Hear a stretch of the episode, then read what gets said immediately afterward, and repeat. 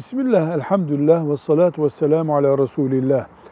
Cuma günü okunan hutbe ibadet niteliğindedir. Hutbe okuyanın da ibadet nitelikli sözler konuşması lazım.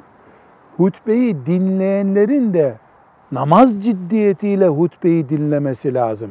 Cep telefonu ile uğraşmak, hatta konuşmak, konuşana sus demek bunlar hepsi sakıncalı. Namazda nasıl ciddiyse Müslüman Allah'ın adının zikredilmesi için, Kur'an ayetlerinin hatırlatılması için okunan hutbeyi de öyle dinlemesi lazım. Cep telefonu ile meşgul olmak, sağa sola bakmak, mescidin e, duvarlarındaki e, levhaları ile meşgul olmak hutbe kalitesini düşürür. Anlatan da hutbeyi anlatmalı, o kalitede dinleyen de ibadet niteliğinde dinlemeli. Velhamdülillahi Rabbil Alemin.